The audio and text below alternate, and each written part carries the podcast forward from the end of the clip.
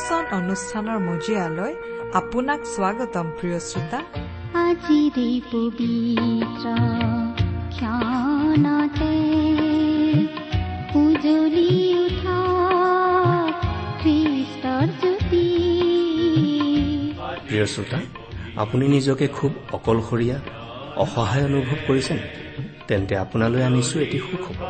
সেয়া হৈছে আপোনাৰ দুখ যাতনা কষ্ট যিমানেই বেদনাদায়ক হলেও প্ৰভু যীশুৱে আপোনাৰ লগ কেতিয়াও নেৰে।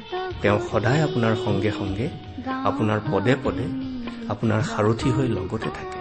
তেওঁক আপুনি যিকোনো পৰিস্থিতিত বিশ্বাস কৰিব পাৰে। তেওঁ লগত থকাত আপুনি কেতিয়াও অকলশৰীয়া আৰু অসহায় নহয়। আহক এবাৰ আকৌ আজি আমি নিজকে প্ৰস্তুত কৰোঁ। ঈশ্বৰৰ জীৱনময় বাক্যৰ শিক্ষামূলক অনুষ্ঠান ভক্তিবচন শুনিবলৈ। আমি মাথো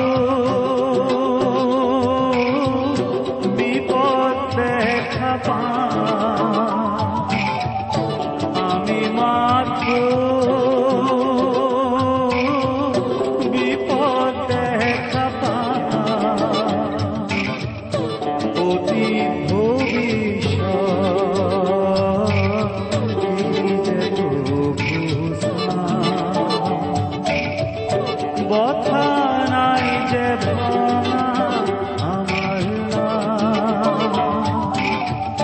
বথা নাই যে ভঙা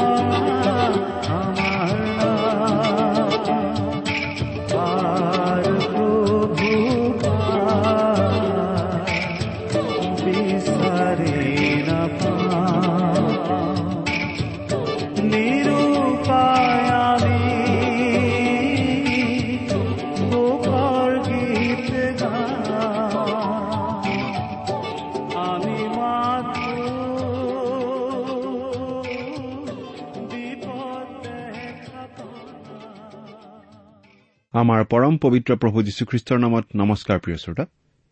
আশা কৰো মহান পিতা পৰমেশ্বৰৰ মহান অনুগ্ৰহত আপুনি ভালে কুশলে আছে। প্ৰিয় শ্ৰোতা আপুনি বাৰু কিমান দিন ধৰি আমাৰ এই ভক্তিবচন অনুষ্ঠানটো শুনি আহিছে? আপুনি বাৰু কেতিয়াবা আমালৈ চিঠি পত্ৰ লিখিছেনে? আপোনালোকৰ পৰা চিঠি পত্ৰ পাবলৈ আচলতে আমি আগ্ৰহেৰে বাট চাই থাকো। আপুনি যদিহে আমালৈ চিঠি পত্ৰ লিখি আছে তেতিয়াহ'লে আপোনাক ধন্যবাদ জনাইছো। আৰু যদিহে কেতিয়াও চিঠি পত্ৰ লিখা নাই তেনেহলে আজিয়েই দুখাৰিমান লিখি পঠিয়াবচোন। আহকচোন। বাইবেল অধ্যয়ন আৰম্ভ কৰাৰ আগতে খন্তেক প্ৰাৰ্থনাত মূৰ দুৱাওঁ হওক।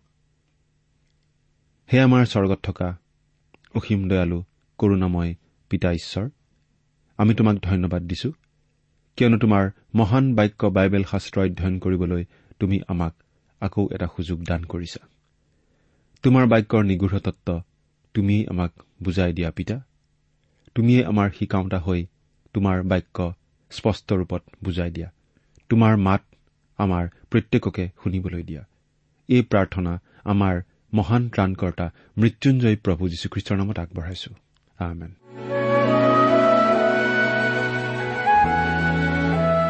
প্ৰিয় শ্ৰোতা আপুনি বাৰু আমাৰ আগৰ অনুষ্ঠানটো শুনিছিল নে যোৱা অনুষ্ঠানত আমি বাৰু কি আলোচনা কৰিছিলো আপোনাৰ মনত আছেনে? আমি এতিয়া বাইবেলৰ পুৰণি নিয়ম খণ্ডৰ হিতুপদেশ নামৰ পুস্তকখন অধ্যয়ন কৰি আছো। নহয়নে বাৰু? যোৱা অনুষ্ঠানত আমি এই হিতুপদেশ পুস্তকৰ চৈধ্য নম্বৰ অধ্যায়ৰ শেষৰ পদলৈকে আলোচনা কৰি আমাৰ অধ্যয়ন আগবঢ়াই নিছিলো। গতিকে আজিৰ অনুষ্ঠানত আমি এই হিতুপদেশ পুস্তকখনৰ পোন্ধৰ নম্বৰ অধ্যায়ৰ আলোচনা আৰম্ভ কৰিব খুজিছো। প্ৰিয় শ্ৰোতা এই পোন্ধৰ নম্বৰ অধ্যায়ৰ যোগেদি ভালৰ বিপৰীতে বেয়াটো তুলনা কৰি দেখুওৱা হৈছে আৰু এই ক্ষেত্ৰত জীৱা আৰু হৃদয়ৰ ভূমিকা কেনেকুৱা হ'ব লাগে ইয়াৰ বিষয়ে শিকোৱা হৈছে। এতিয়া জীৱাৰ বিষয়ে প্ৰথম পদটি পাঠ কৰিছো শুনিবচোন।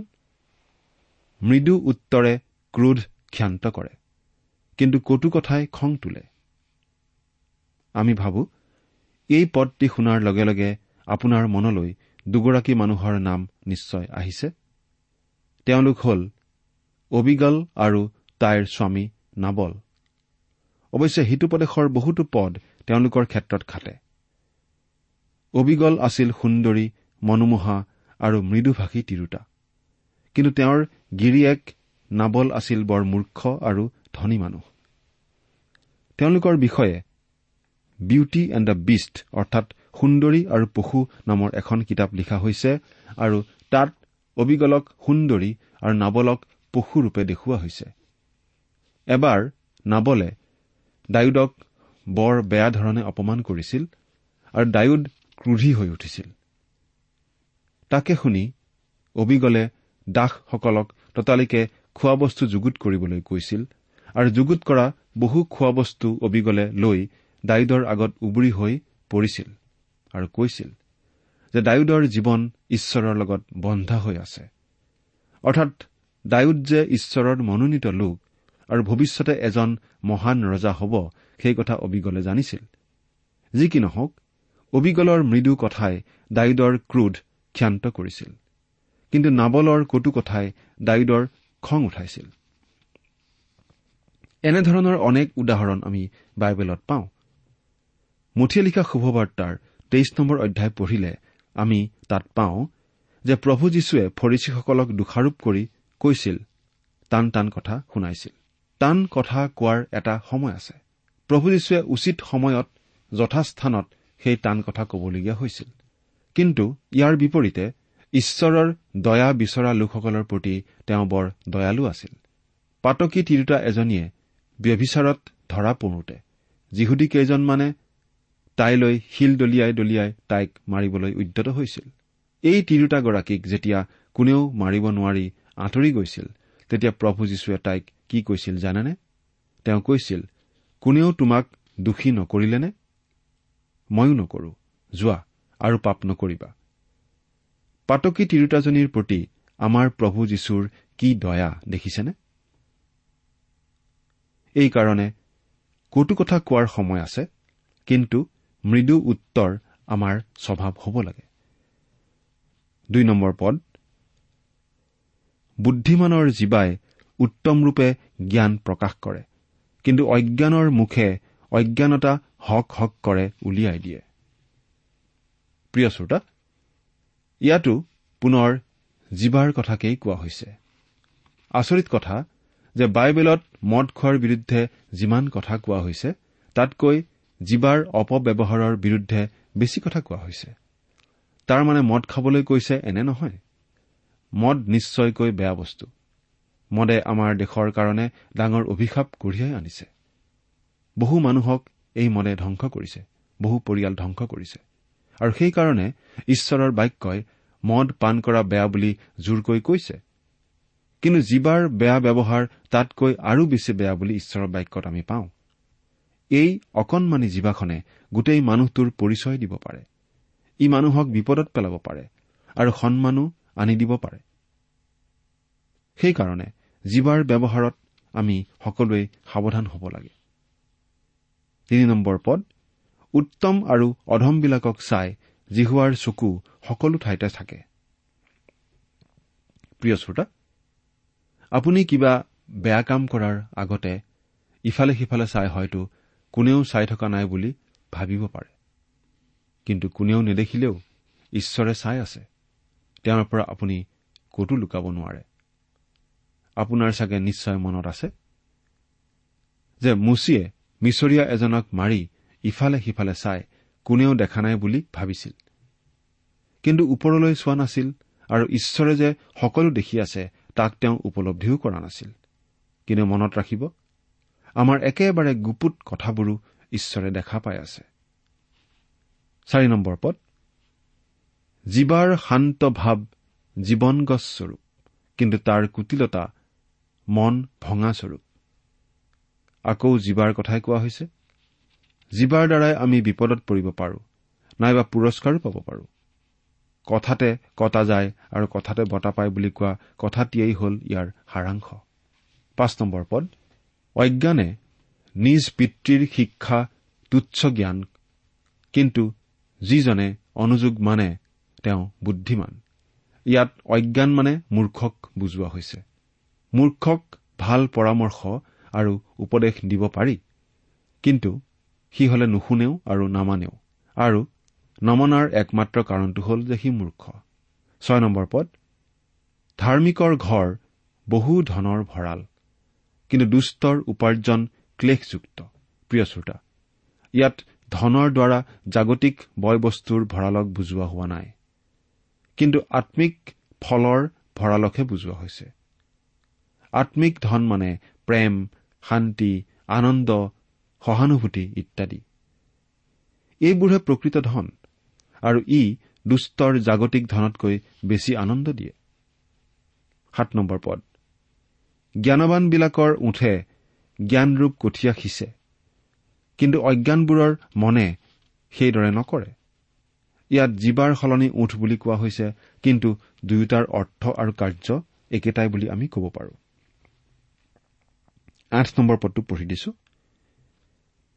দুষ্টবোৰৰ বলিদান জিহুৱাৰ ঘীনলগীয়া কিন্তু সৰলবিলাকৰ প্ৰাৰ্থনা তেওঁৰ গ্ৰহণীয়।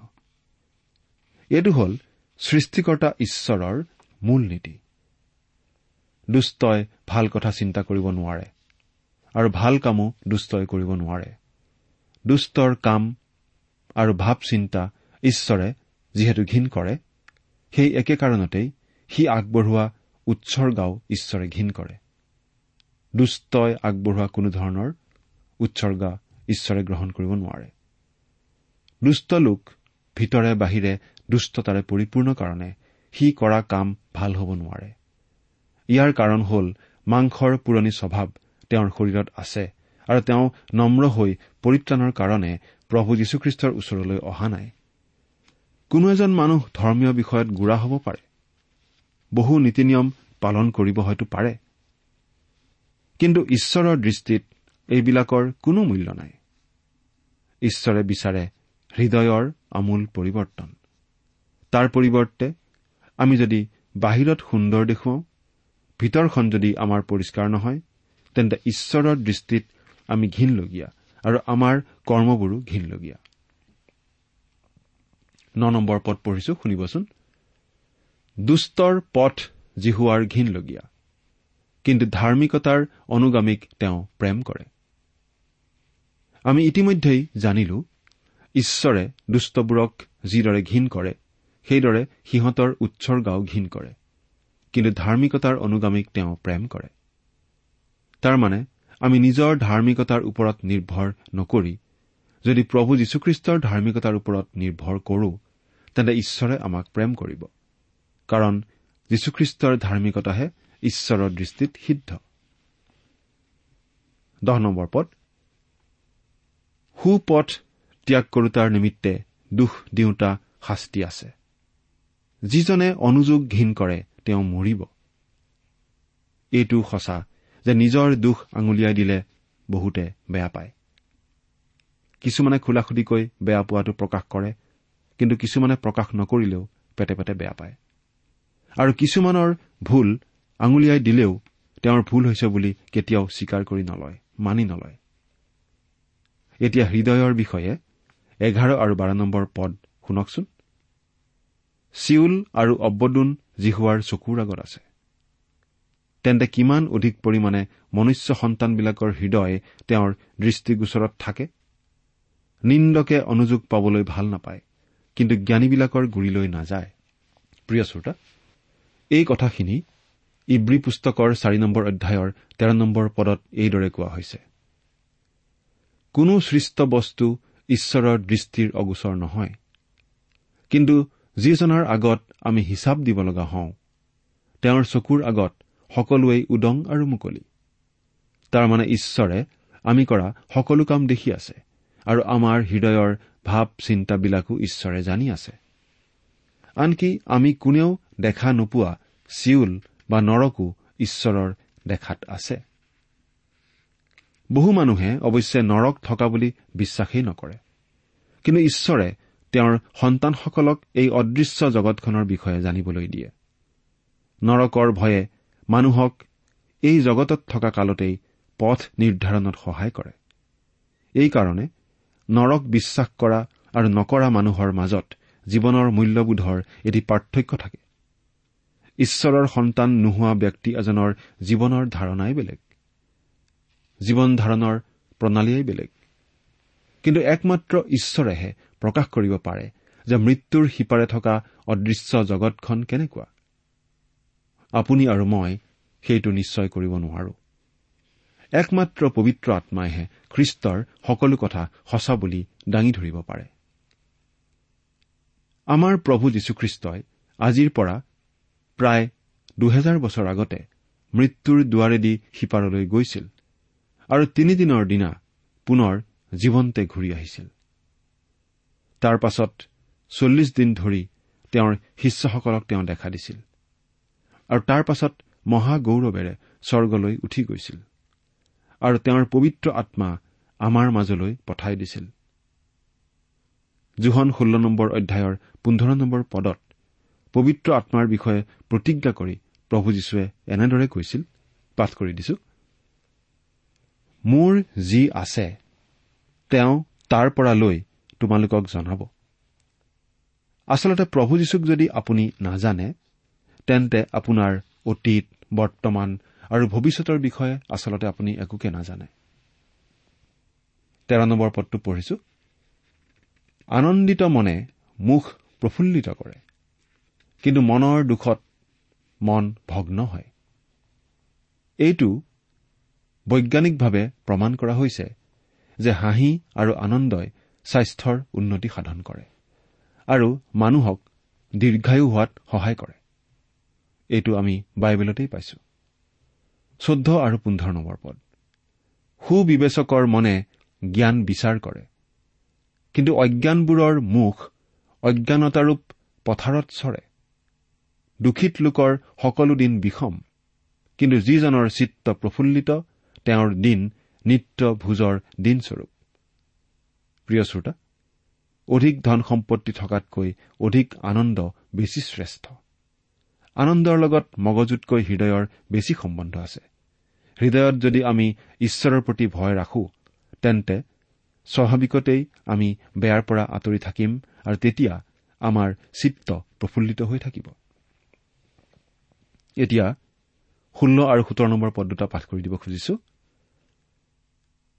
চিন্তাই সৈতে অধিক ধন সম্পত্তিতকৈ জিহুৱালৈ ৰখা ভয়ে সৈতে অলপেই ভাল। হিংসাৰে সৈতে পোহ তোলা গৰুতকৈ স্নেহেৰে সৈতে শাক ভোজন কৰাই ভাল। প্ৰিয় শ্ৰোতা ইয়াৰ সুন্দৰ উদাহৰণ এটি আমি দানিয়েলৰ জীৱনৰ যোগেদি পাওঁ। দানিয়েল যেতিয়া ডেকা আছিল তেতিয়া বন্দী হৈ অহা দাস হিচাপে তেওঁক বাবিললৈ নিয়া হৈছিল। তাত তেওঁ আচৰিত পাৰদৰ্শিতা দেখুৱাইছিল। সেইকাৰণে তেওঁক ৰজাৰ কামত ব্যৱহাৰ কৰিবলৈ প্ৰশিক্ষণ দিয়া হৈছিল আৰু খাবলৈ ভাল ভাল খাদ্য দিবলৈ ৰজাই আদেশ দিছিল। কিন্তু তেওঁ সেইবিলাক খোৱা নাছিল। কাৰণ ইছৰাইলৰ বিধানমতে সেইবিলাক খোৱা মানা আছিল। সেইবিলাক খোৱাটো আচলতে ঈশ্বৰৰ দৃষ্টিত পাপ আছিল। কিন্তু তেওঁ শস্য আৰু শাকজাতীয় আহাৰ খাইছিল কাৰণ তেওঁ ঈশ্বৰলৈ ভয় কৰিছিল। ঈশ্বৰৰ বিধান পালন কৰাটো তেওঁ প্ৰয়োজনীয় বুলি জানিছিল। ঈশ্বৰে আকৌ তেওঁক সন্মানীয় পদ পোৱাত সহায় কৰিছিল। তেওঁ নবুখত নেজৰ ৰজাৰ প্ৰধানমন্ত্ৰী হৈছিল। তাৰ পাছত তেওঁ আকৌ মহান কোৰছ ৰজাৰো প্ৰধানমন্ত্ৰী হৈছিল। চাওকচোন ঈশ্বৰলৈ ভয় ৰখা কিমান উত্তম। এতিয়া ওঠৰ আৰু ঊনৈশ নম্বৰ পদ দুটা পাঠ কৰি দিছো। খঙাল লোকে বিবাদ জন্মায় কিন্তু ক্ৰোধত ধীৰ লোকে বিবাদ ক্ষান্ত কৰে। এলেহুৱাৰ বাট কাঁইটৰ বেৰাস্বৰূপ কিন্তু ধাৰ্মিকবিলাকৰ বাট ৰাজপথস্বৰূপ প্ৰিয় শ্ৰোতা এই কথাটো সঁচা। তথাপিতো নম্ৰ আৰু সত্য কথাই যে বিবাদ নজন্মাই এনে নহয়। সত্য কথাইও মাজে মাজে বিবাদ অৱশ্যে জন্মায়। ঈশ্বৰ আৰু প্ৰভু যীশুৰ কথা প্ৰচাৰ কৰোতেও বিবাদ লাগে। আমাৰ প্ৰভু যীশুখ্ৰীষ্ট অতি নম্ৰ আৰু সত্য আছিল। তথাপিতো তেওঁক লৈ যিমান বিতৰ্ক হৈছে সিমান বিতৰ্ক কাৰো ওপৰত হোৱা নাই। ছাগলী গৰু আৰু কুকুৰা একেলগে থকা গঁড়ালত আপুনি আন্ধাৰ ৰাতি হাতত লেম লৈ সোমাবচোন। গঁড়ালত পোহৰ পৰাৰ লগে লগে এন্দুৰ নিগনিবিলাকে কি কৰে? আৰু গৰু ছাগলী কুকুৰাই কি কৰে? এইটো বুজি পালেই বিবাদৰ কাৰণটো আপুনি বুজি পাব। বিশ নম্বৰ পদৰ পৰা বাইশ নম্বৰ পদলৈকে পাঠ কৰি দিব খুজিছো। জ্ঞানবান পুত্ৰই পিতৃক আনন্দিত কৰে কিন্তু অজ্ঞানে নিজ মাতৃক তুচ্ছ জ্ঞান কৰে।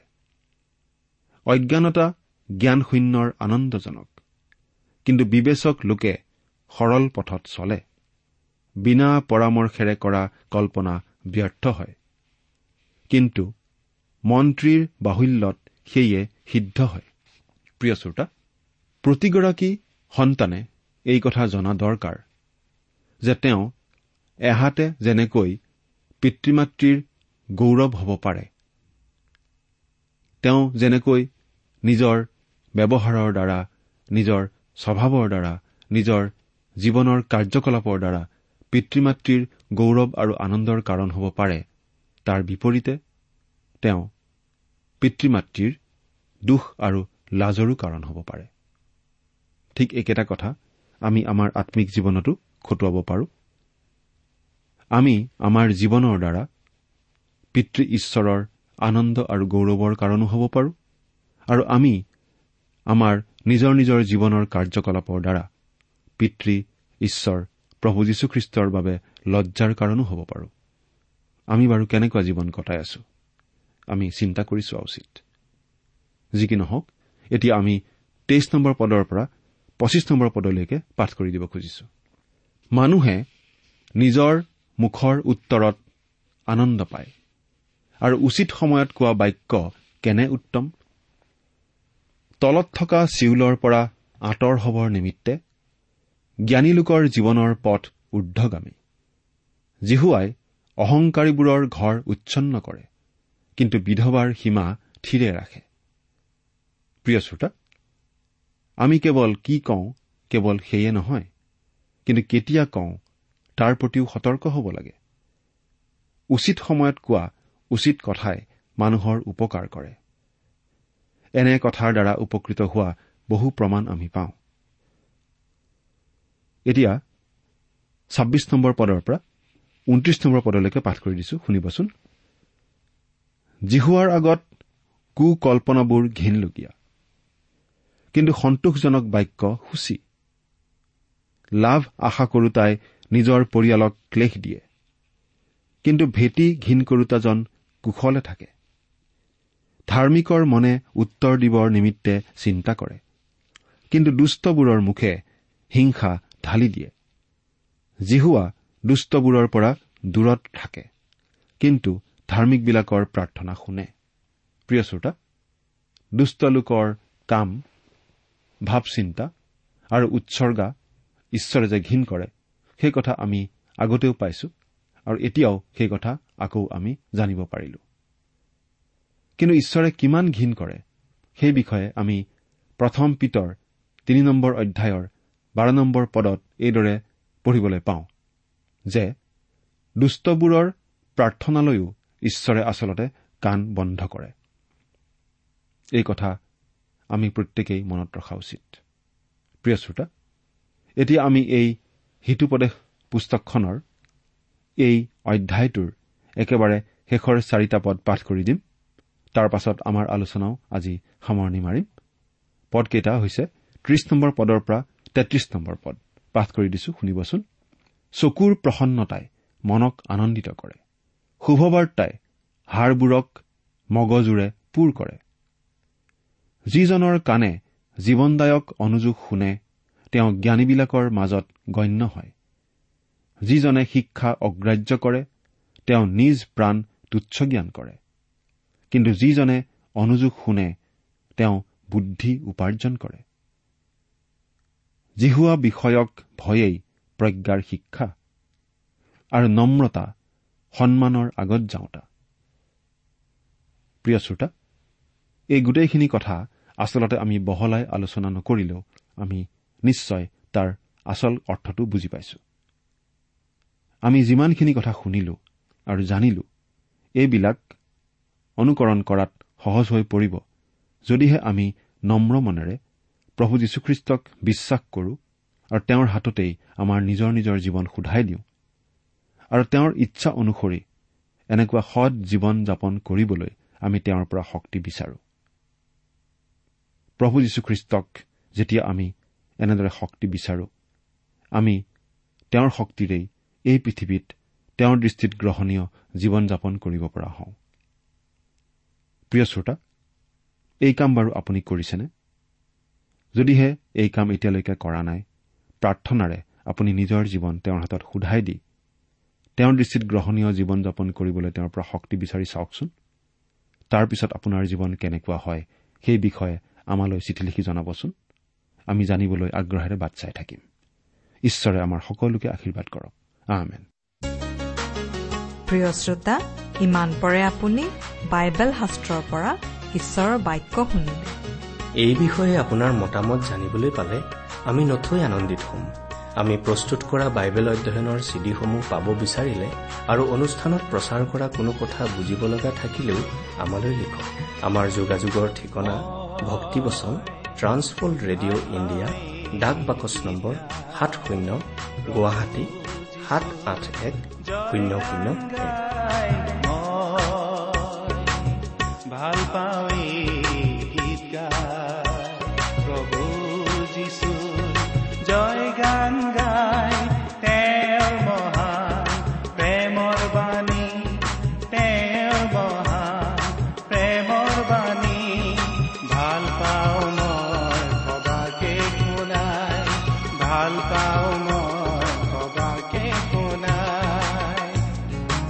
ঠিকনাটো আকৌ এবাৰ কৈছো ভক্তি বচন ট্ৰান্স ৱৰ্ল্ড ৰেডিঅ' ইণ্ডিয়া ডাক বাকচ নম্বৰ সাত শূন্য গুৱাহাটী সাত আঠ এক শূন্য শূন্য এক। আমাৰ ইমেইল এড্ৰেছটো হৈছে Assamese T TV at the rate radio' eight eight two dot com. আমাৰ website W W W dot T W R dot in আপুনি টেলিফোনৰ মাধ্যমেৰেও আমাক যোগাযোগ কৰিব পাৰে। আমাৰ টেলিফোন নম্বৰটো হৈছে nine eight five four zero' four zero' eight eight nine. আহিছিলে ধৰালে নম্ৰ মানৱ ৰূপে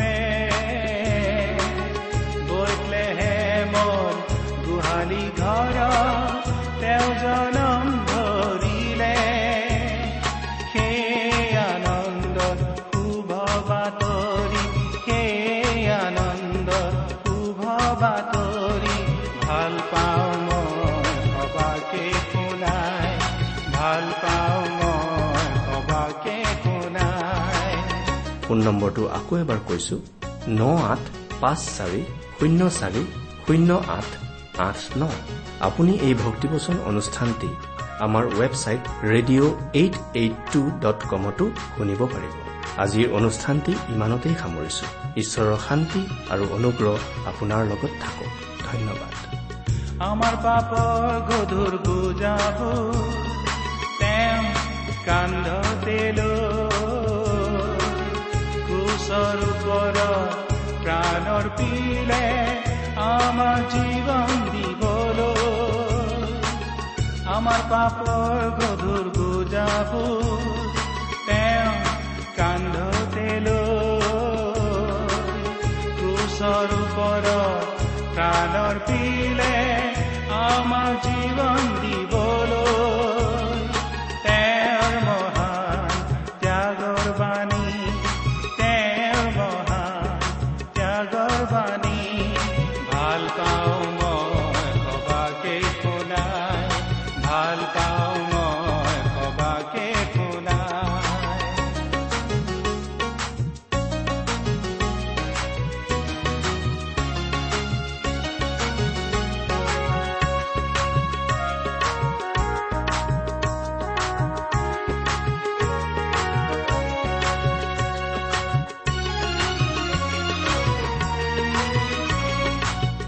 তৃতীয় দিনা পুনৰ উঠি মৃত্যুক জয় কৰিলে তৃতীয় দিনা পুনৰ উঠি মৃত্যুক জয় কৰিলে সুশৰীৰে কৰকলৈ গৈ সুশৰীৰে কৰকলৈ গৈ আজি নিবেদিছে